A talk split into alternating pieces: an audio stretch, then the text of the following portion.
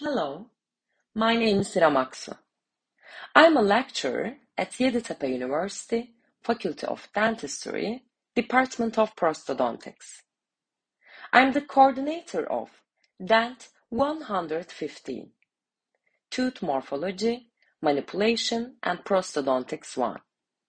Now, I want to introduce the course. The language of the course is English. The course is given in the first and second semesters in the first grade. The course consists of one hour of theoretical lesson and three hours practical lessons every week in both semesters. This course is the first didactic and practical course in the field of prosthodontics and pediatric dentistry. The course intends to provide first-year dental students with detailed information on the morphology of primary and permanent teeth in the first semester.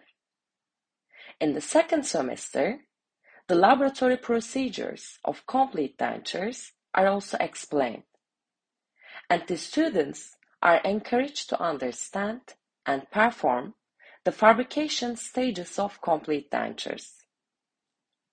The evaluation methods of the course consist of two midterms from each semester and final exam at the end of the year for both theoretical and practical lessons.